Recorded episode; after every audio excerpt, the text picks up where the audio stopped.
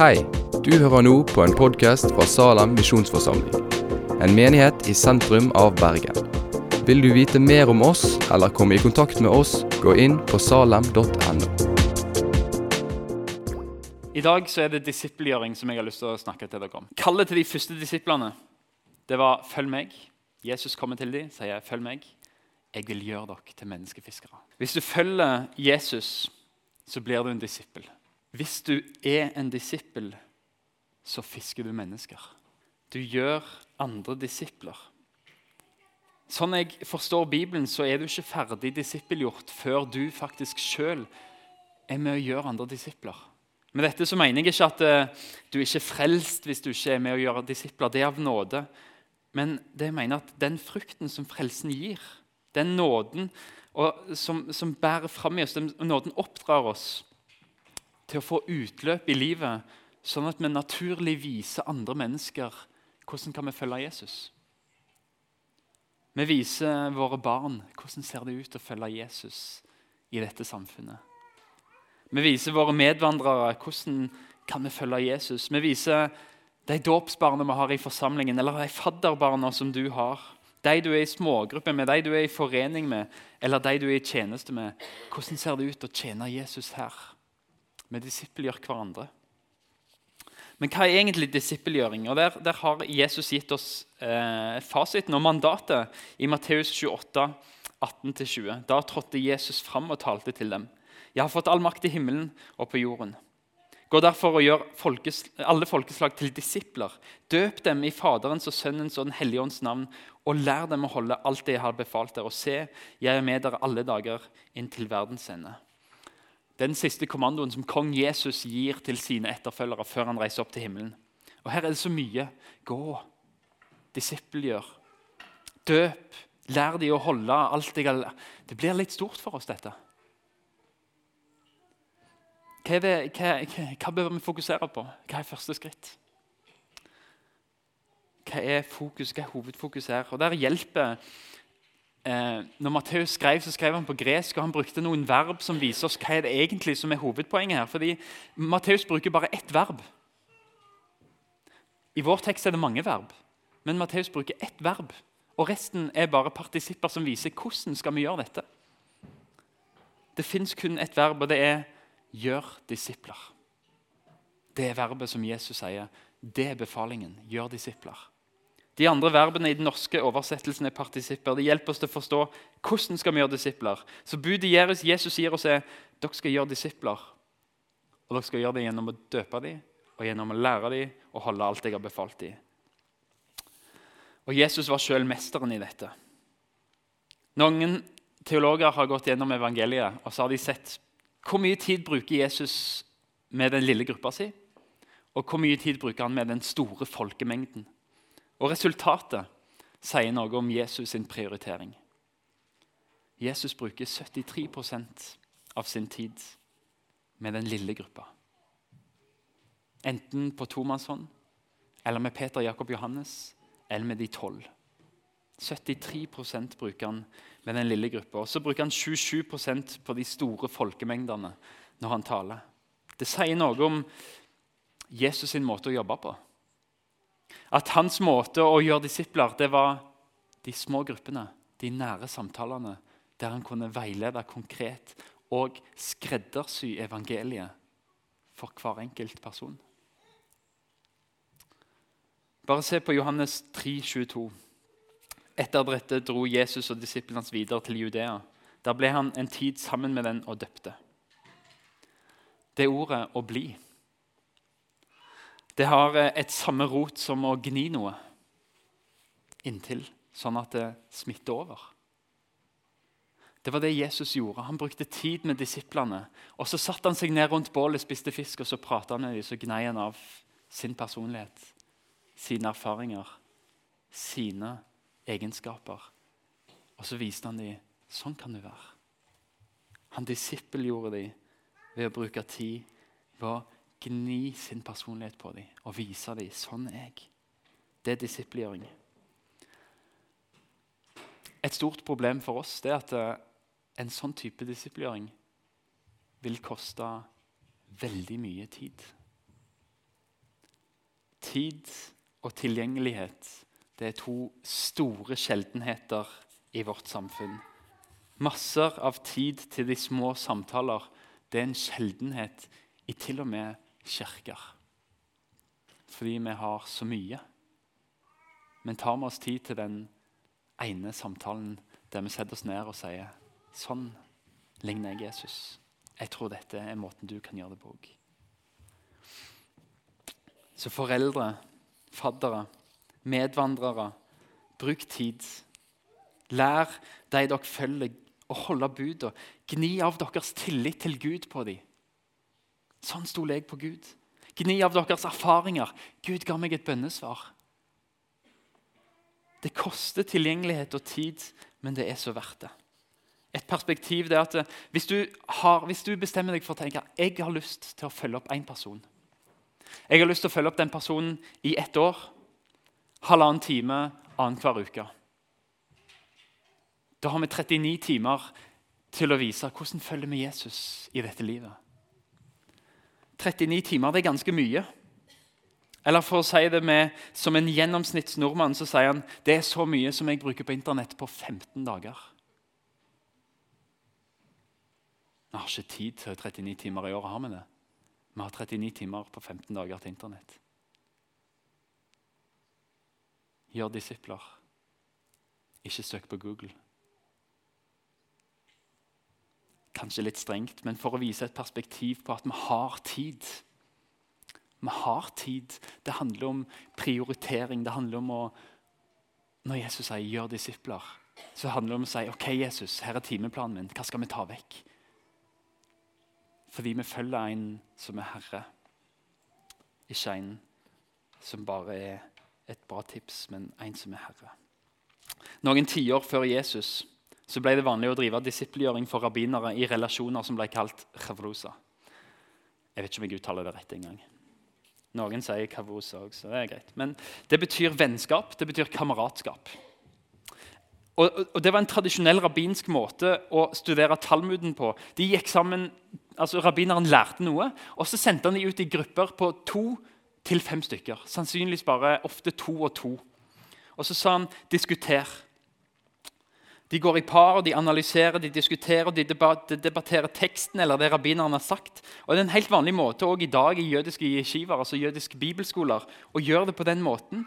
To og to går sammen. Og Det blir praktisert på jobben, det blir praktisert i hjemmet, det blir praktisert i tjeneste. Og Begrepet det handler om å, å lære sammen i vennskap. Det handler om å ikke bare huske å repetere det som, som som rabbineren sier, eller det som teksten sier, men det handler om å sette seg ned sammen og analysere det. Og organisere tankene sine etter det.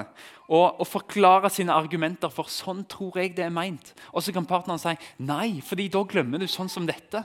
Du glemmer faktisk at sånn og sånn og sånn. Og så former de hverandre, og så liner de sine tanker opp mot hverandre. Og så hører de partneren sine tanker og stiller spørsmål, og så skjerper de sine hverandre, tank hverandre sine tanker. Og så følger de det. Sånn kom en til stadig ny innsikt i teksten. Og jeg tror dette er relevant for oss. Det at to og to eller små grupper sitter og snakker sammen om hva er det egentlig talen på søndag betydde. Eller hva er det egentlig denne teksten betyr. Fordi når Jesus gjorde det på denne måten, tror jeg Tror jeg. Ikke ta dette for 100% men, men hvis vi skal, vi skal, se litt på noen ting som er litt interessant. Matteus 10, 1-4. Han kalte seg selv de tolv disiplene sine og ga dem makt til å drive ut urene ånder og helbrede all sykdom og plage. Dette er navnene på de tolv apostlene. Først Simon, som kalles Peter. Så hans bror Andreas, Jakob, sønn av Sebedeus, hans bror Johannes, Philip og Bartlomeus, Thomas og tolleren Matteus, Jakob, sønn av Valsveus og Tadeus, Simon Kananeus og Judas Iskariot, han som forrådte ham. Ok, hva, hva, er dette? Men hvis vi omorganiserer det og ser på komma og ser på òg, så ser vi at her dukker det opp noe som plutselig viser Kanskje er vi inne på noe med de to og to, de samtalene. Plutselig så ser vi at ja, men han skriver jo faktisk Simon og så han bror Andreas. Jakob og Johannes. Komma. Philip og Bartolomeus Ser dere, kan sette de sammen, to og to. og det er det, Kanskje er det tilfeldig, men det er det samme mønsteret i apostelgjerningene 1. Det er det samme mønsteret i Lukas 6 når de nevner disiplene. Litt forskjellige par, men alltid to og to. For å vise. Sånn var det òg med Emmaus-vandrerne som gikk og diskuterte det som hadde skjedd. De gikk to. Jesus sendte i disiplene sine ut to og to. Kanskje for å diskutere. Lærekompanjonger. Og Det blir interessant hvis vi ser det opp imot moderne pedagogikk. En som heter Edgar Dale, har satt opp en kjegle som, som for å lære oss hva det vi, hva det vi husker. Hva det, vi, hva det, som er viktig for oss når vi skal huske noe? Hvis du lærer noe, hva er det du husker ti, to uker etterpå? Du husker 10% av det du leser. Du husker 10%, nei, 20% av det du hører. 30% av det du ser. 50% av det du ser og hører. Det er gudstjenesten. Det er veldig lite oppmuntrende for meg å lese at dere husker 20 av det jeg sier nå, om to uker. Kanskje hvis jeg gjør gestikulerer, så husker dere 50% fordi dere ser det. sant? Men det er gudstjenesten. Men hva hvis vi går videre? Så sier Edgar Dale vi husker 70% av det vi diskuterer. Det er ren menneskelig pedagogikk. dette. Og da, da, sier han, Det handler ikke om de samtalene du kan korrigere. Der du kan skrive inn på en melding og så bare, nei, det mener jeg jo ikke, slett, slett, slett, slett. Og så skriver du alt helt perfekt etter boka. Men han sier det er de samtalene der du kan si jeg tror sånn, så bare, nei, du tar feil fordi Se på denne teksten. Det er de samtalene der du diskuterer, der du blir korrigert, og der du skjerper hverandre tankene og så sier han du husker 80% av det du erfarer. Hvis vi greier å ta de diskusjonene ut og si hvordan kan vi leve det ut, så vil det sitte bedre for oss og for de vi går sammen med. Og så husker du 95% av det du lærer andre mennesker. Det er derfor jeg er pastor. Det er derfor vi må ha folk som kan være smågruppeledere. Som kan ta med seg en yngre og si 'se her', se hva Bibelen sier. Fordi du vil hjelpe ham inn i 70% av det dere diskuterer. 80% av det du hjelper dem til å gå inn i livet. Og hvis du lærer dem å disiplinere andre, så husker vi mye mer. Vil du absorbere Guds ord, så diskuter det. Lev det ut. Lær det til andre. Disippelgjør noen, og vis dem hvordan de kan lære det videre. Jesus visste hva han gjorde. Hvis 10 000 stykker hadde blitt kristne hver måned, i sånne store kampanjer på stadion, så hadde det tatt 192 år, så ville hele verden vært kristen. Jesus begynte med én og én. Og de disiplene nye. Én ble til to. To ble til fire. Fire ble til åtte. Åtte ble til 16 osv. Hvis vi følger den metoden til Jesus Hvis en person bruker ett år på å disiplere én person, så vil det ta 33 år før hele verden er nådd. Jesus visste veldig godt hva han gjorde. Og Dette må vi lande i vår forsamling. At Guds rike er et multipliserende rike. Det er et voksende rike. Hvordan ser det ut? Vi har medvandring. Vi har smågrupper. Ta det med dere inn dit.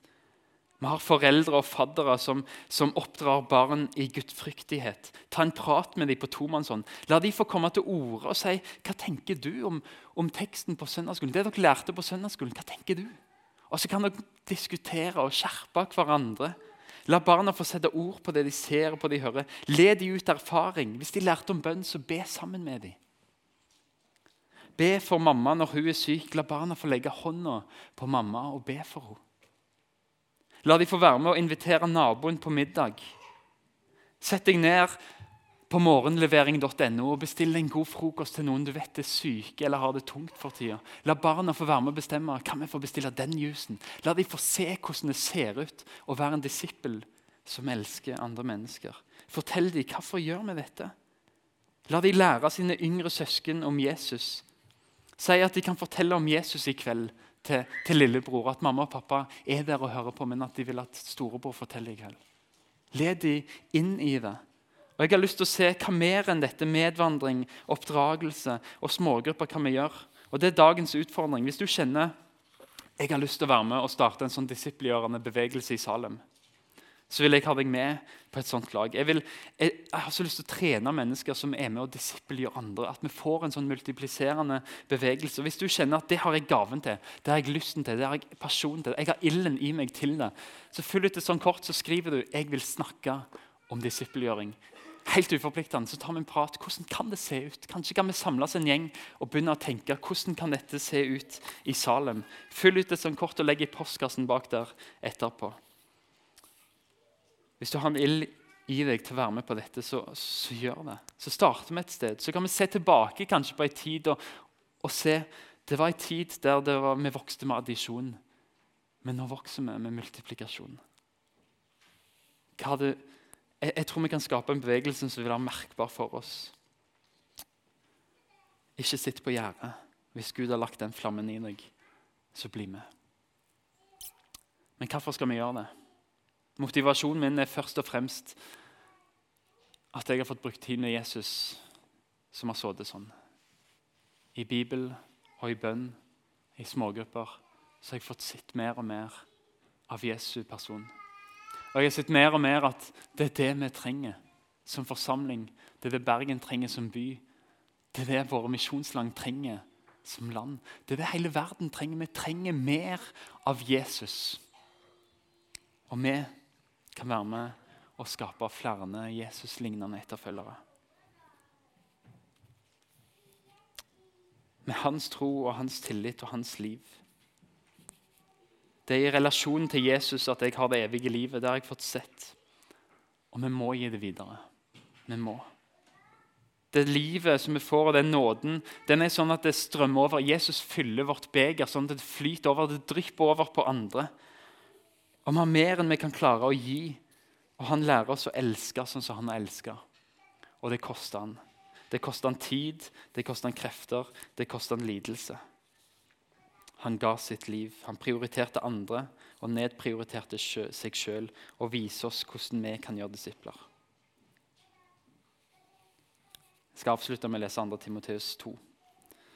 Vær da sterk, mitt barn, ved nåden i Kristus Jesus. Det du har hørt av meg i mange vitners nærvær, skal du gi videre til pålitelige mennesker som er i stand til å undervise andre. Vær også du lidelsene en god, som en god stridsmann for Jesus Kristus. Ingen soldat lar seg hindre av dagliglivets gjøremål, for han vil gjøre som hærføreren vil, og en idrettsmann må følge reglene om han skal vinne seierskansen. Bonden som arbeider hardt, skal først få avlingen. Tenk over det jeg sier, for Herren skal gi deg innsikt i alt.